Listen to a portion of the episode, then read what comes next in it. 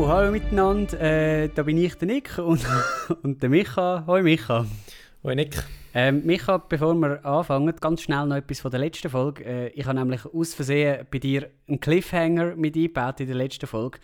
Dort hast du nämlich noch etwas erzählen und ich habe dich voll unterbrochen und gesagt, äh, oh, der Jan ist noch am Handy und so. Wolltest du das noch schnell erzählen? Ähm, kannst du mir schnell weiterhelfen? Ja, du hast dort irgendetwas gesagt von... Äh ich bin einen Tag bin ich schnell nach Konstanz übergegangen, also Deutschland. Also ich wollte dann so wollen normales Hochdeutsch reden und nicht so schweizerdeutsches ähm, Hochdeutsch. Also nicht, Warte nicht ganz schnell. Wisst ihr, was ich mich richtig unhöflich finde, wenn jemand etwas erzählt?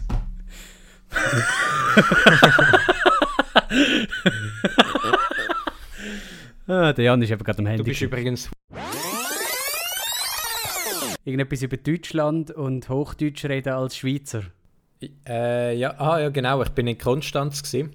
und ähm, ich habe normalerweise rede ich immer so das Schweizer Hochdeutsch, also so Guten Tag, äh, kann ich das einkaufen bei Ihnen? ähm, und dann ich, bin ich in Konstanz gewesen, und weil ich allein war, habe ich gedacht, ähm, jetzt muss ich mich vor niemandem schämen, wenn ich so richtig Hochdeutsch rede. Und dann habe ich so richtig Hochdeutsch geredet und habe, während ich an der Kasse gestanden bin und das Hochdeutsch geredet habe, gemerkt, oh, das bin nicht ich. Und es ist mir immer komischer geworden. Aber ich habe ja nicht können plötzlich Schweizerdeutsch und Hochdeutsch wechseln. Mhm. Ich habe irgendwie gesagt, hallo, könnte ich noch die Quittung haben? Irgendwie so habe ich geredet. und denkt, nein, das bin ich nicht. oh ja, das, das Auto, das Auto habe ich dann auch nicht mehr gefunden. Wie, wie? Also hast du nicht mehr gewusst, wo du parkiert hast? Ja. ich habe über eine Stunde gesucht.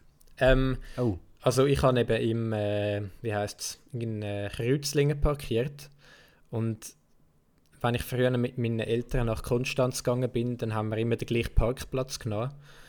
Äh, und ich habe auch den Parkplatz genommen und habe dann beim Zurückgehen nicht mehr gefunden. Ähm, weil ich habe ich hab gedacht, als ich losgelaufen bin, ich weiß schon, wo der ist.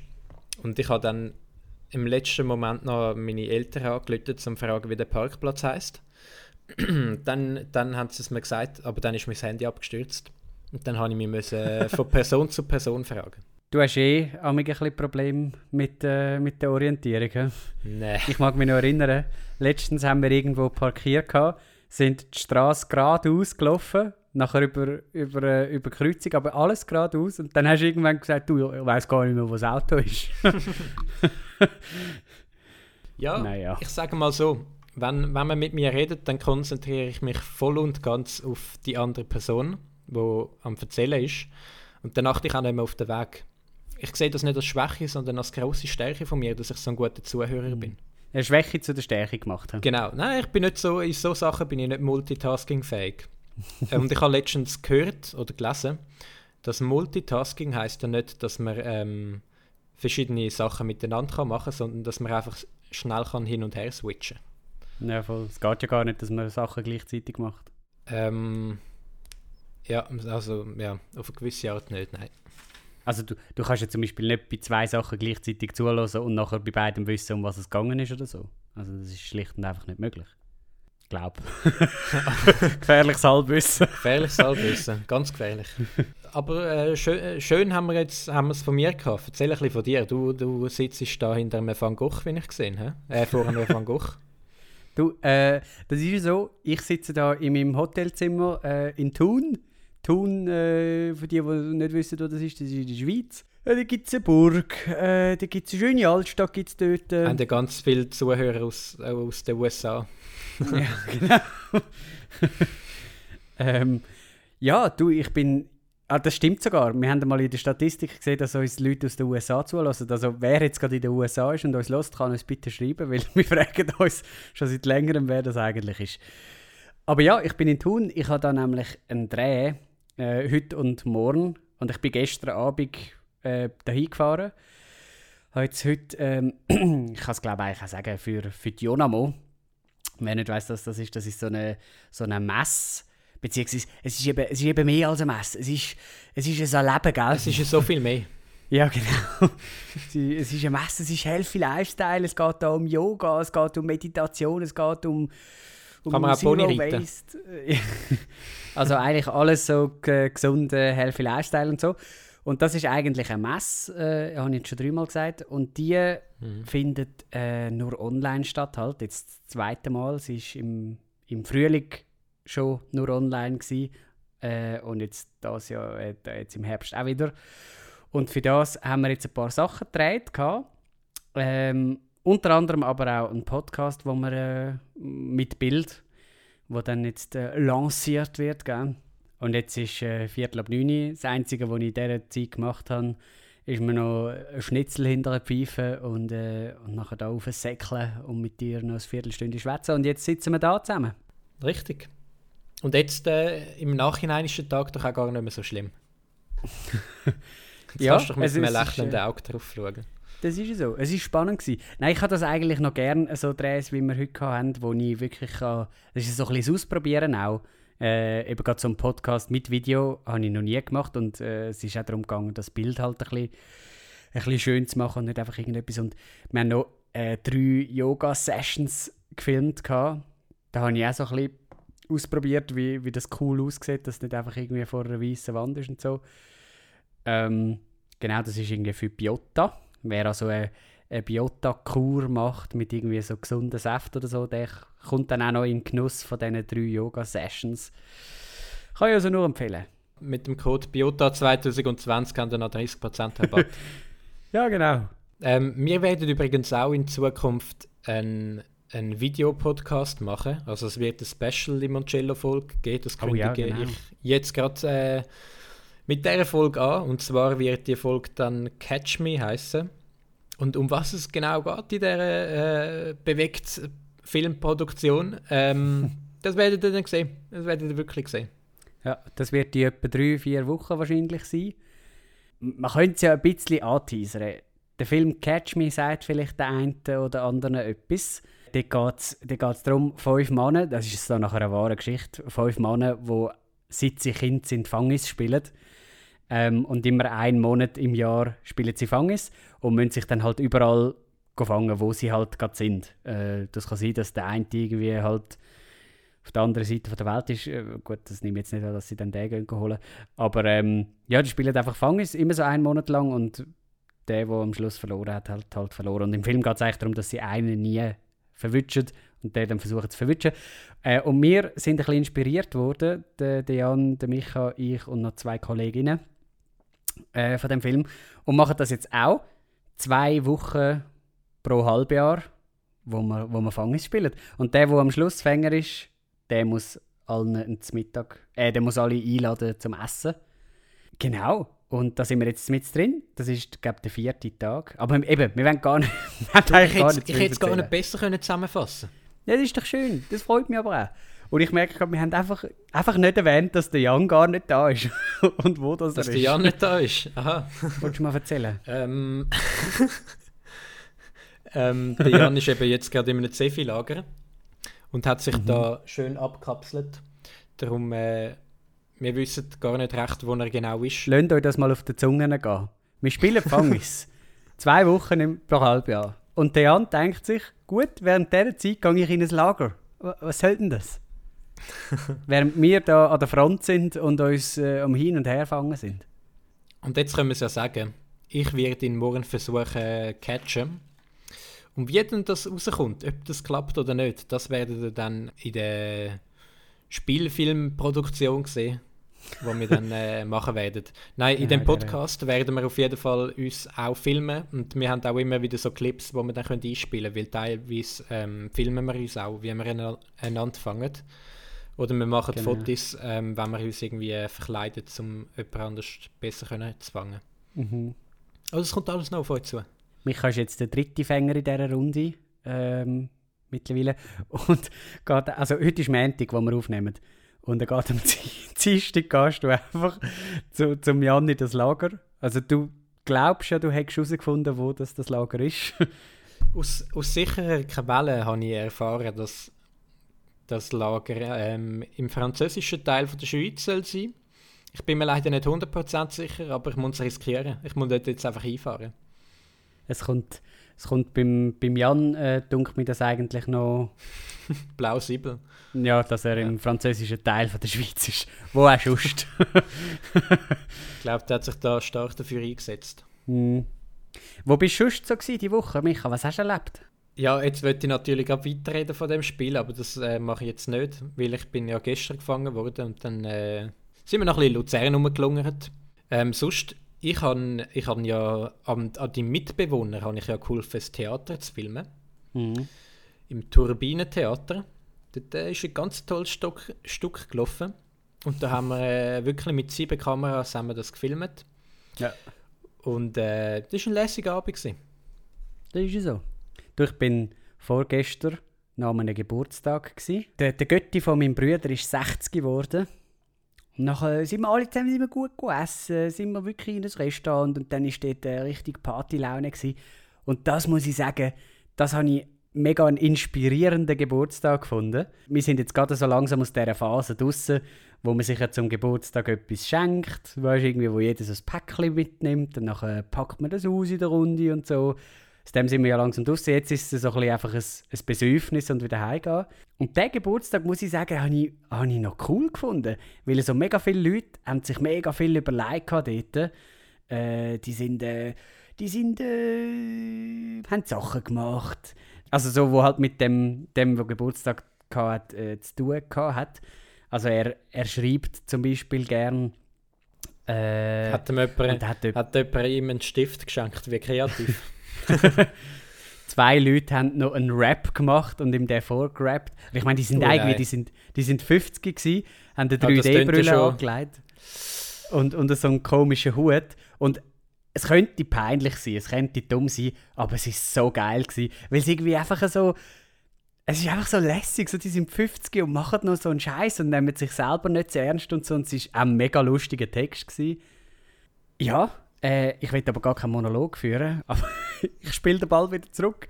Micha, wie geht's dir? ich war ja letztens in der Stadt. Ähm, es wäre jetzt lustig, wenn ich jetzt einfach auch eine eigene Geschichte würde erzählen und gar nicht mhm. würde darauf eingehen und wir da richtig aneinander würden vorbei äh, reden. ähm, darum versuche ich jetzt äh, themenbezogen zu bleiben. Ja, unbedingt. Ähm, hat der Geburtstag einen Spaß gemacht? Kennst du das, wenn du in einer Gruppe bist und das Thema ist gerade auf etwas, wo du einfach nichts dazu kannst beitragen irgendwie. Oh ja. Aber du oh, hast ja schon mega lange nichts mehr gesagt und dann denkst du die ganze Zeit, hm, was könnte ich noch sagen, dass ich, dass ich jetzt nicht so überkomme, als würde ich mega ruhig sein. Mhm. Rugby ja, ist meine grosse Schwäche. Ich kenne zwei, die reden ständig über Rugby und glaube Football und so. Ich check nichts. Ich check einfach gar nichts, wenn Was ich kennst nicht... du für komische Leute, die über Rugby reden? ja, weißt du, der, der eine spielt selber irgendwie Rugby und der andere schaut Ich weiß doch auch nicht. ja, wahrscheinlich, wahrscheinlich schaut er auch mit dem Sinne Spiel. oh, ist wirklich super geschossen. Ja, ich auch, Messi. Ja. Und du weißt schon mal nicht, äh, ja, ich glaube auch, dass du gut gespielt hast. ich habe am Anfang damals habe ich noch versucht, ein bisschen mitzureden, wenn es irgendwie so geheißen hat, ja, der, der Jack äh, Rugbyman und so, der wirklich ein cooler Spieler, äh, der hat doch jetzt äh, wieder sieben Punkte gemacht. Und nachher bin ich auch so der gesagt, ja, ja, genau, sieben, ja, ja, äh, eine gute ein, Mannschaft, auch, die er spielt. 748 hat er gemacht, oder? Ein Touchdown. ah, ja. Also, es ist auch immer blöd, um dann irgendwie äh, das Thema auf sich zu lenken. Ja, ja, genau, ja. Ich, ich, ich hasse es, wenn irgendwie, äh, wenn man mit irgendjemandem am Reden ist und die dritte Person, die halt nicht so mitredet, dann plötzlich irgendwie etwas von sich anfängt zu erzählen und dann gar nicht beim Thema bleibt. Also so mhm. richtig. Ähm, jetzt haben wir gerade einen Spruch verkneifen. Wenn wir den schnell rausschneiden und ich bringe Ja, ist gut. Damit ist gemeint. ich habe es mir gedacht. ich habe es rausschneiden. Nein, äh. Nein, ähm, doofer Witz gewesen ich habe mal eine Situation erlebt, ähm, da ist einer, der hat Geburtstag gehabt, also in der Sek, ähm, und ich und der andere Kollege haben das irgendwie nicht gewusst gehabt. Wir haben halt nicht gewusst, wann er Geburtstag hat. Ähm, und er hat irgendwie auf, auf Bügen und Brechen wollen, dass wir, dass wir halt wissen, dass er Geburtstag hat. So, weiss Oh nicht, ja, die Geschichte hast du schon mal erzählt. Aha. Also erzähl sie du. Ich, sie, ich, ich erzähle sie gerade fertig. Ja. Und die Person hat dann immer so peinlich irgendwie Andeutungen gemacht, im Sinn von, dass sie Geburtstag hat. Und dann ist sie irgendwie, äh, hat sie plötzlich gesagt, ja, Geburtstag. Aber so, so ganz leislich. Aber irgendwie so doch, dass man es hört. Nein, oder? nicht ganz. Ja, aber so in, de, die, in dem Stil, so in die Art eigentlich. Er hat, er hat sein Handy vorgenommen und so gesagt, ah, schaut jetzt mal, wie lustig, was mir meine Großmutter geschrieben hat. Nachher haben wir so gelesen und sie hat nur geschrieben, Happy Birthday, lieber äh, bla bla bla. oh, da haben wir ihn dann aufgezogen, den ganzen Tag damit, er uns eine lustige Nachricht gezeigt hat, wo einfach nur Happy Birthday steht. Weil er einfach unbedingt wollte, dass wir wissen, dass er Geburtstag hat. Eine Herzig irgendwie.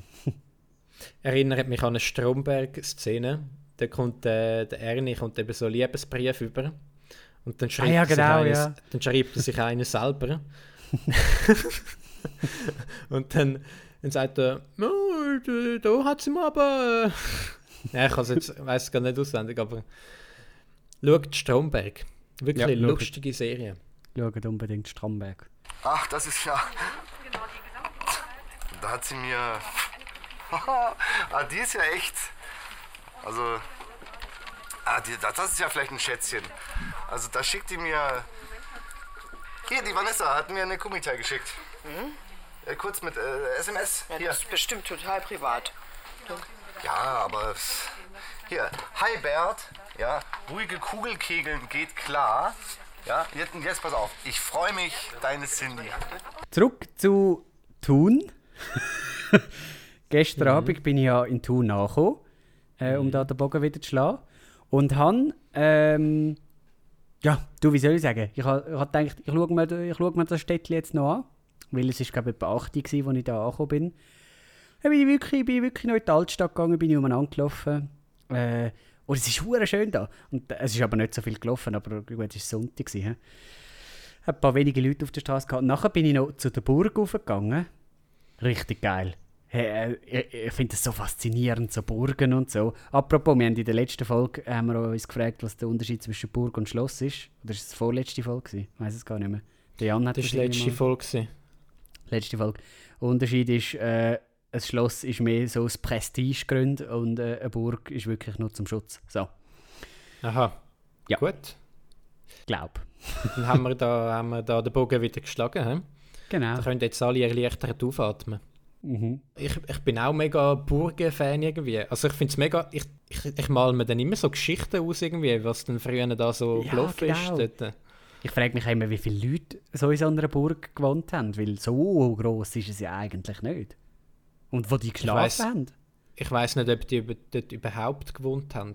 Ja, musst doch fast, oder? Ja, gibt ja gar keine gar keine Innenräume oder so.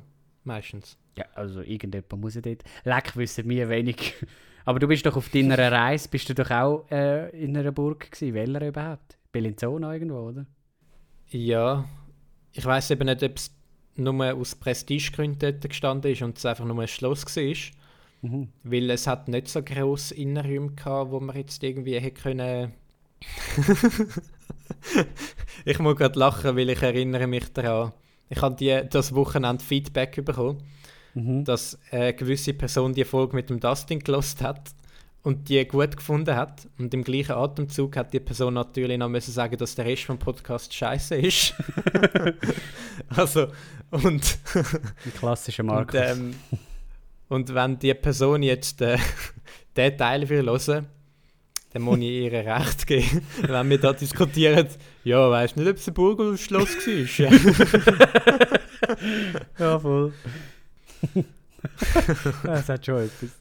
Ähm, wo bin ich denn jetzt? Gewesen? Ah, genau. Burg Thun bin ich, bin ich drin. Gewesen. Also, eben nicht, also ich Mhm. bin dort gewesen einfach, aber in die Räume selber nicht.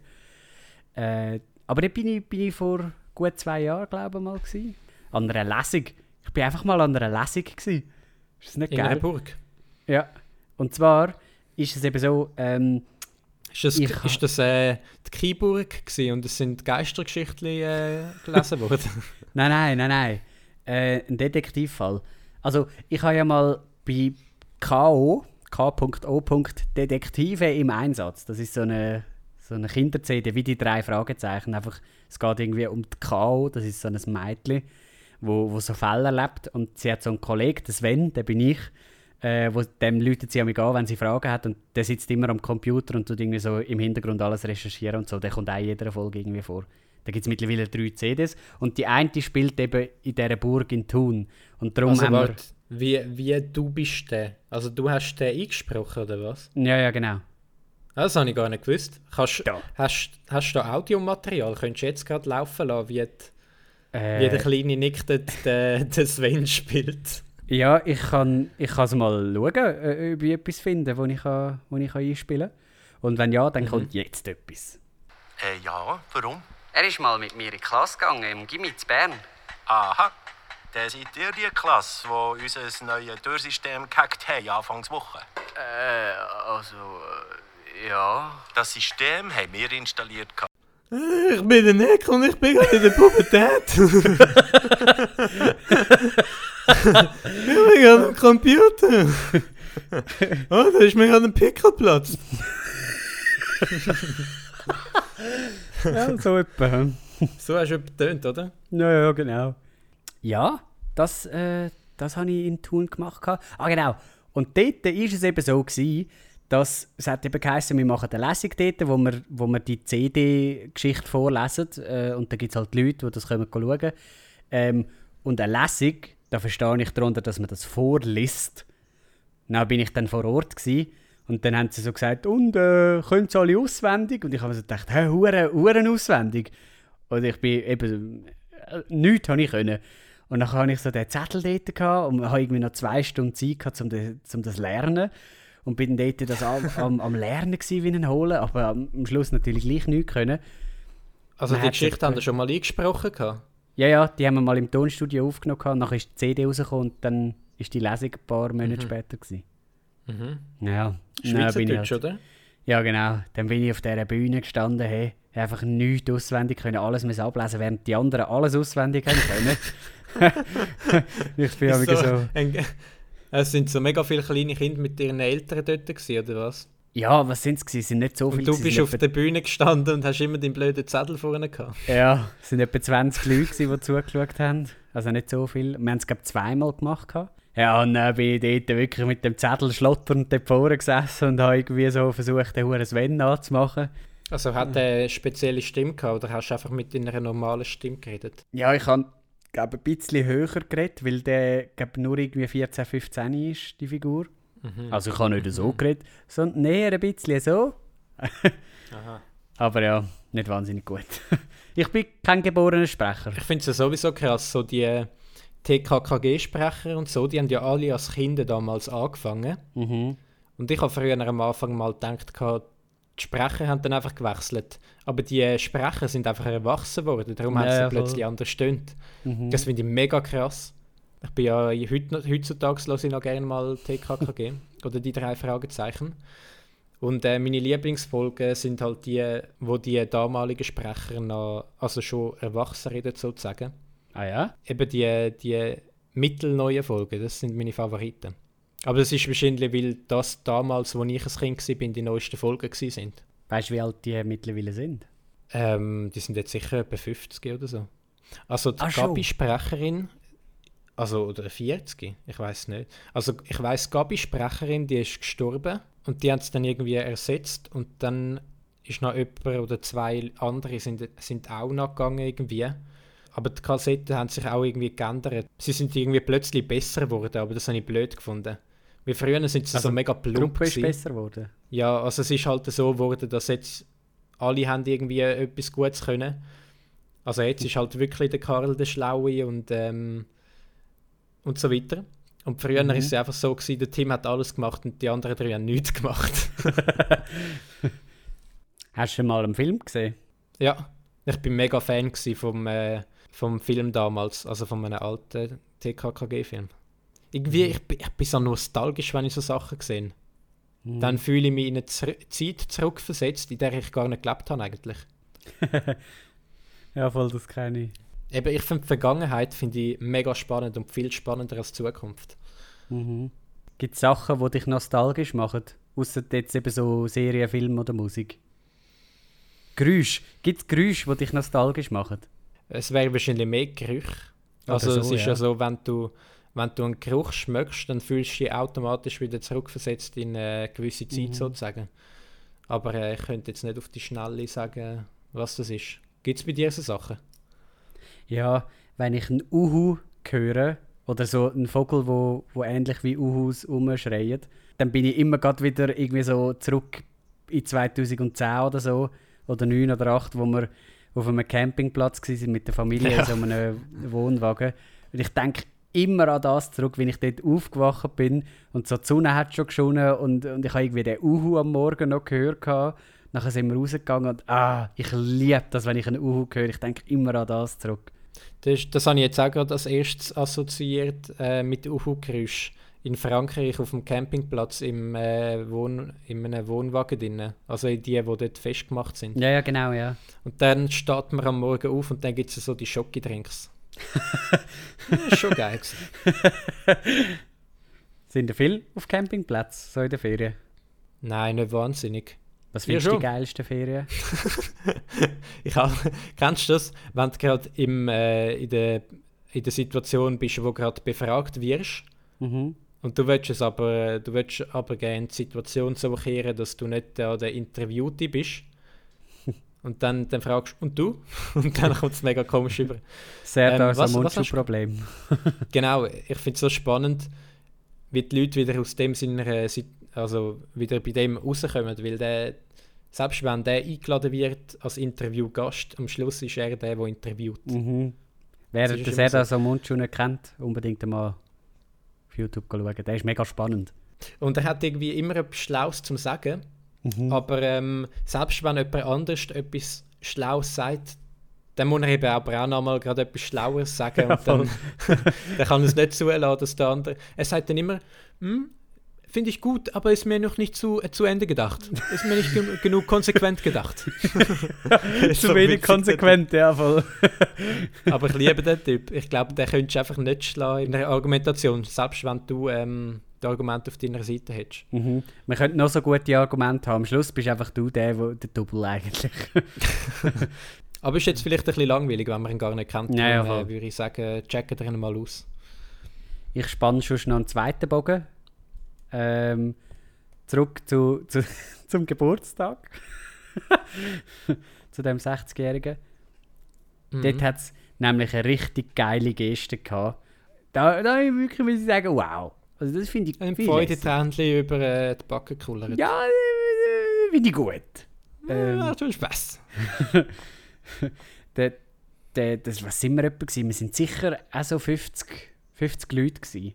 Ähm, und irgendwann, so im Verlauf von dem Abend, wir sind schon alle irgendwie zwei, drei Stunden dort gewesen, ist der, der Geburtstagstyp ist aufgestanden und hat irgendwie so gesagt, jemand hätte gefragt, ob er noch ein paar Leute kann vorstellen Und dann hat er doch tatsächlich, es ist etwa eine Stunde lang gegangen oder so, hat er jeden Einzelne vorgestellt. Weißt du, so, so richtig, dass, dass sich jeder wichtig ist und dass er so jeden respektiert hat. Das habe ich so eine schöne Geste gefunden. Und er ist eben noch wortgewandt. Der hat einfach spontan zu jedem etwas Lustiges können sagen oder halt etwas Kreatives oder Cooles. Das habe ich so lässig gefunden. Da, da, da muss ich wirklich sagen, so, so Sachen finde ich cool. Ja, das ist, immer, das ist immer mega cool, wenn man so spontan ist und gerade über jeden etwas Positives kann sagen. Irgendwie, äh, und das dann halt dann nicht so 0815 ist.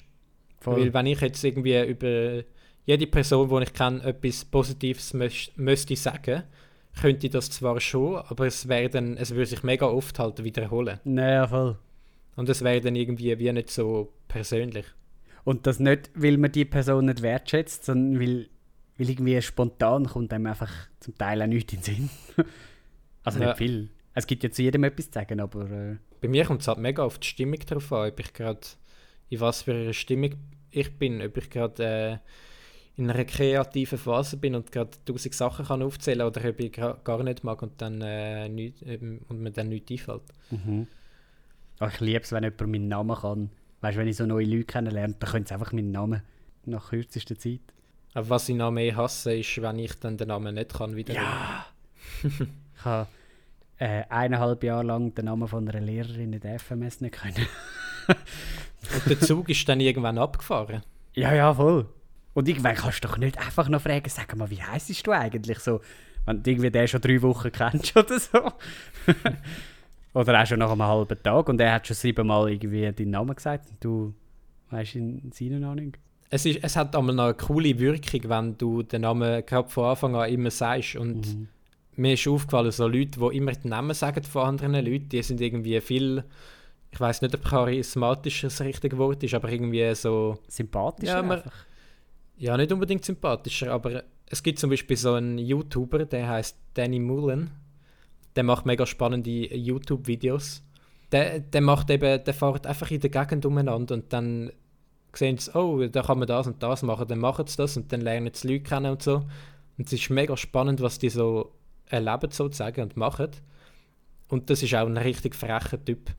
Also der ist mega schlagfertig und wenn der jemanden kennenlernt, er, er, er spricht die anderen Leute dann immer gerade mit dem Namen an. Und wenn er redet, dann sagt er, Tom, äh, can you, can you ding, blablabla, Tom? Äh, und wenn, wenn er immer den Namen sagt, dann bleibt er irgendwie immer so, Hangen. ich weiß nicht, ob übergeordnet äh, ein schlechtes Wort ist, aber irgendwie, er bleibt immer, also wenn, wenn er das Interview führt, dann muss er ja auch der Interviewführer sein, sozusagen Ja, ja. Dann ist ja nicht gut, wenn, wenn, wenn es sich umkehrt, wie, wie bei einem Serdar Sumuncu, der dann das Gespräch übernimmt. Und indem er immer den Namen sagt vom anderen, behaltet der, der andere irgendwie immer im Interview-Modus. Also halt, dass der es nicht kann umdrehen Er hat immer die Überhand. mhm. Mhm. Ich weiß nicht, also es liegt nicht, nicht nur an dem natürlich, sondern auch daran, dass der mega schlagfertig ist. Aber, aber das ist, glaube ich, noch so ein Trick, der einem noch dabei hilft. Mhm. Ich habe letztens ein Video geschaut von, von so einem Typ, der gut kann, also wo, wo so Gedächtnistraining und so macht. Also dachte, vielleicht lerne ich da noch etwas. Und dann bin ich aber auf die Idee gekommen, es gibt, gibt ja so verschiedene äh, YouTube-Videos, wo so Leute so Selbstexperimente machen. Äh, Schaust du es dann noch gerne nicht? Schaust du noch gerne so Sachen nicht? aha, Du siehst, ich, ich wand's gerade an. ja, ja, finde ich gut, Micha. Jetzt bist du recht, im, äh, jetzt bist du gerade recht unterlegen gewesen. hä? Nein, ähm, und es, eben, es gibt ja Leute, die so Selbstexperimente machen. Und ich werde jetzt unbedingt auch mal anfangen, so Selbstexperimente machen. Weißt du, so eine Woche lang irgendetwas machen.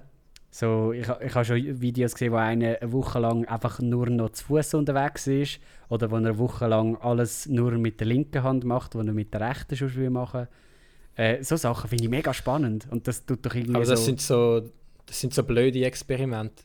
Nein, das tut halt dein Hirn fördern, weil es halt sich wieder an neue Sachen muss gewöhnen und neue Sachen lernt im weitesten Sinn. Äh, wieder in Ja, schon logisch, aber- reinkommt. Ich finde, so neue Situationen und neue Sachen ausprobieren, das finde ich cool. Wenn, wenn du dann halt wirklich etwas lernst. Aber ich meine, was willst du lernen, wenn du jetzt jeden Tag nur noch die linke Hand brauchst und die rechte mal für eine Woche vergisst, sozusagen? Das, ist ja, also das bringt ja wie nicht vorwärts. Das braucht ganz andere Hirnareal, wo, wo du sonst nicht benutzt. Ja, dann kannst du auch jonglieren. Du kannst jeden Tag eine halbe Stunde jonglieren, dann brauchst du auch alle Hirnareal. Ja, kannst du auch, wenn, wenn du das willst. Es war ja nur ein Beispiel, gewesen, Micha. Ja, ja, klar. Nein, hey. Komm her mit auf. Ja, was, was fändest du für, für ein gutes Selbstexperiment? Zum Beispiel einfach mal ohne das Handy. Nein, das ist jetzt so ein langweiliges, wo, Mhm. wo halt jeder macht. Jetzt so ein mega lustiges Selbstexperiment wäre zum Beispiel wenn jeden Tag irgendeine fremde Person ansprechen. Also jetzt, wenn, du- wenn du irgendwo durchlaufst, zum Beispiel heute habe ich so ein Poulet gekauft zum Nacht und nachher hat es noch so einen, so einen Mann gehabt mit einem mega herzigen Hund und der hat mega gut gefolgt. Beim Durchlaufen habe ich gesagt, oh, der folgt gut. Und dann hat er gerade angefangen zu erzählen vom Hund und so. Dann habe ich gedacht, eigentlich ist es so einfach. und äh, das wäre zum Beispiel etwas, einfach jeden Tag Das finde ich noch ein schnell ein gutes Gespräch anfangen. Mhm. Aber das ist, weißt, das ist ja so etwas, etwas Kleines, wo halt so 10 Sekunden vom Tag einnimmt. Aber wenn du zum Beispiel eben nur noch zu Fuß unterwegs bist oder wenn du nur die linke Hand brauchst oder so, das, das, das ist ja wie etwas, wo, wo den Tag auch ein bisschen einnimmt. Und nicht einfach nur Ja. etwas Kleines, aber immerhin etwas, ja. Jetzt habe ich es gerade ein bisschen Ja, abgemacht, aber wenn ich finde es eine geile Idee. Ich finde deine auch eine wirklich geile Idee, finde ich cool mit deiner Hand. Nein, das, Oh, das sind halt so Wochenendideen, die du eher hast, oder? Weil ich Nee. glaube nicht, dass du deinen zwei Stunden Arbeitsweg jetzt plötzlich zu Fuß machst. Ja, ich habe schon auf Google Maps nachgeschaut, ich hätte sieben Stunden zu Fuß. Eben, und das jeden Tag wird ein Aber drei mit dem Velo. Ich könnte ja eigentlich. Aber ja, Mhm. eben, es ist ein bisschen viel für den Anfang. Man muss im Kleinen anfangen, das ist schon so. Aber jetzt so einmalig würde ich es noch cool finden, wenn du jetzt einfach mal einmal einen 3-Stunden-Weg auf dich nimmst. Also Mhm. einfach einen Tag und nicht gerade die ganze Woche. Ja, voll. Ja, das werde ich schon ein bisschen mehr machen. Ich habe ja mal in der Säcke, aber ich glaube, das habe ich im Podcast auch schon erzählt, mal einen Monat lang jeden Tag etwas Neues ausprobiert. Und das hat eben schon etwas Interessantes, finde ich. Es ist interessant, aber hast du auch etwas irgendwie gelernt oder mitgenommen Mhm. dadurch? Man, man erlebt Also halt jetzt- Sachen, die du noch nie erlebt hast. Also jetzt ein Beispiel zum Beispiel, das ich jetzt noch im Kopf habe, wo du mal gebracht hast, ist, dass er im Zug am Morgen zum Morgen gegessen haben. Ja, Oder bruncht haben. Das haben wir sogar nachher weitergezogen. Was hat es sonst noch so für Challenges gegeben? Eh, Wir haben das das dritte gemacht und dann sind wir zum einen Kollegen heim auf Winterthur und von Winterthur am Morgen mit dem Velo auf Zürich. Das ist mal etwas gewesen. Sozusagen mal als Schulweg Velo, also mit dem Velo irgendwie zwei Stunden fahren. Dreieinhalb oder was es dann war. Was habe ich noch gemacht? Ich weiß es gar nicht mehr. Ich habe auch Leute angesprochen, die ich sonst nicht angesprochen hätte. Ich habe neues Essen ausprobiert. Ich habe ich habe zu, zu der Zeit, als ich in der Säcke war, habe ich nie Musik gelost, wenn ich irgendwie im Zug war. Und das habe ich mal ausprobiert. Ist eigentlich noch lustig, dass ich das nie gemacht habe. Ich habe einfach, das habe ich nie gemacht früher. Ich habe gar keinen Kopfhörer. Gehabt. Äh, das habe ich mal gemacht. Dann, ha dann hast du plötzlich mal zum Heroin-Dealer an der Ecke gesagt, ja komm, gib mir ja, mal so ein gell? Warum nicht? Rein mit. Ja, ich meine... Schatz, Ja. nichts bringt's nicht. Ja, voll. ja, das habe ich gemacht. Äh, Aber ja, das finde ich noch cool, wenn so jeden Tag etwas Neues. Und vor allem ist auch noch cool, wenn du das gerade mit jemandem zusammen kannst machen. Mhm. Oh, was wir auch gemacht haben, ähm, wir haben, also das habe ich mit einem Kollegen zusammen gemacht, aber bin nicht sicher, ob ich das schon mal erzählt habe. Wir haben mal so Challenge gemacht, äh, da, da haben wir irgendwie so einen E-Mail-Newsletter abonniert, wo, glaube jeden zweiten Tag irgendeine Challenge gestanden ist, wo so Getrauensübungen. Äh, eine ist zum Beispiel, gewesen, dass man an einem öffentlichen Platz einfach am Boden liegen und dann irgendwie minutenlang dort liegen und nachher wieder aufstehen und gehen. Mm. Und das habe ich am HB gemacht. Also wir haben es eigentlich eben zusammen wollen machen, dass zuerst der eine, nachher der andere, aber halt mit Abstand, so dass man gleich allein dort ist und nicht äh, der andere steht nebendran. Dann habe ich das gemacht, dann ist, ist die Security zu laufen gekommen und gefragt, was ich da machen bin. Ja, das wären jetzt so Übungen, die würde ich jetzt zum Beispiel nicht machen. Also, Ja, aber aus Hygienegründen, oder? ja auch, aber ich sehe wie den Sinn dahinter jetzt zum Beispiel nicht. Ich finde, so grundlos peinlich finde ich auch unnötig, wenn es dein, also ich finde es gut, wenn du aus der Komfortzone rauskommst, aber es muss dann auch etwas bringen sozusagen. Warum denn? Also es bringt ja nur schon etwas, wenn du aus der Komfortzone rauskommst. Ja, aber am, an den Boden liegen. Also alles, was du doch machst, was du noch nie gemacht hast, bringt dich doch irgendwie weiter. Klar, jetzt, äh, es gibt auch dumme Sachen, aber, aber so einfaches Zeug wie jetzt das zum Beispiel, das ist doch... Also ich, ich habe das noch gemerkt, ich habe mich zuerst gar nicht getraut und es ist mir richtig unangenehm gewesen, dort jetzt am Boden zu liegen und so. Nach all die Leute, die durchlaufen. Also klar, das ist, ist nur etwas Kleines, aber irgendwie finde ich so Sachen noch spannend. Hast du noch irgendwie Erkenntnis äh, daraus herausgewonnen? Ja, der HB hat durchaus ein einen dreckigen Boden. Jetzt hättest du müssen so etwas sagen. Ja, es gibt wirklich Leute, äh, die verhungern auf der Welt. Das kann nicht sein.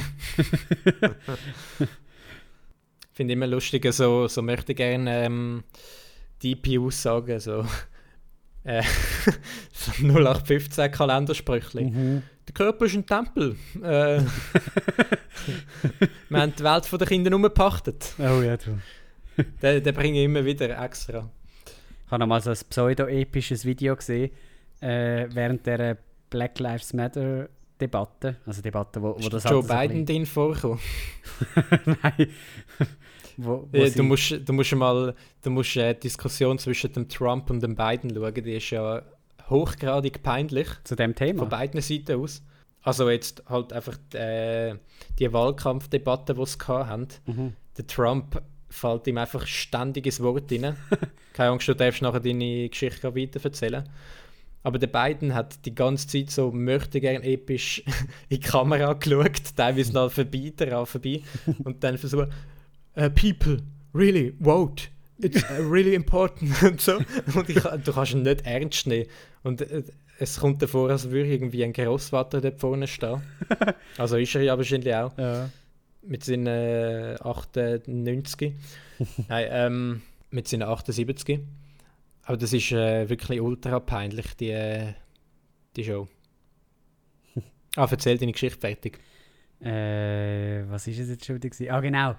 Der, verfolgst du das eigentlich? Das äh, Mhm. Debattenzeugs? Es ist teilweise ist eben auch unterhaltsam. Aber jetzt, also ich habe die eineinhalb Stunden habe ich geschaut, wo die debattiert haben. Also ich habe ich habe jetzt nicht ähm, meine volle Aufmerksamkeit darauf gerichtet. Ich habe nebenan ähm, eine Rätselfigur gezeichnet. Und dann ist es äh, nebenbei halt einfach gelaufen. Mhm. So als Hörspiel sozusagen. Mhm. Das ist doch geil. Aber ich finde ich es eben auch spannend, wenn, also so... Ich liebe ja auch Roger gegen Markus, Oh ja, Podcast. Das ist so ein Das ist lustiger ja das Podcast. Geilste. Roger Schawinski gegen Markus Somm. Kann ich also auch nur empfehlen. Wenn wir langsam einen Filmtitel suchen, was meinst Über was haben wir geredet? wir haben irgendwie, äh, wir haben nicht wirklich ein grosses Thema gehabt, sondern ein bisschen über alles eigentlich. du? Ja. Warte, wir haben am Anfang über Healthy Lifestyle geredet. Über Burgen haben wir noch geredet. gehabt. Dann nennen wir einen äh, irgendwie, äh, was gibt's, King Arthur oder wie heißt der? Ja, voll, warum nicht? Hast du noch Abschlusswort? Mhm. Dann wünsche ich euch. Tschüss. Tschüss!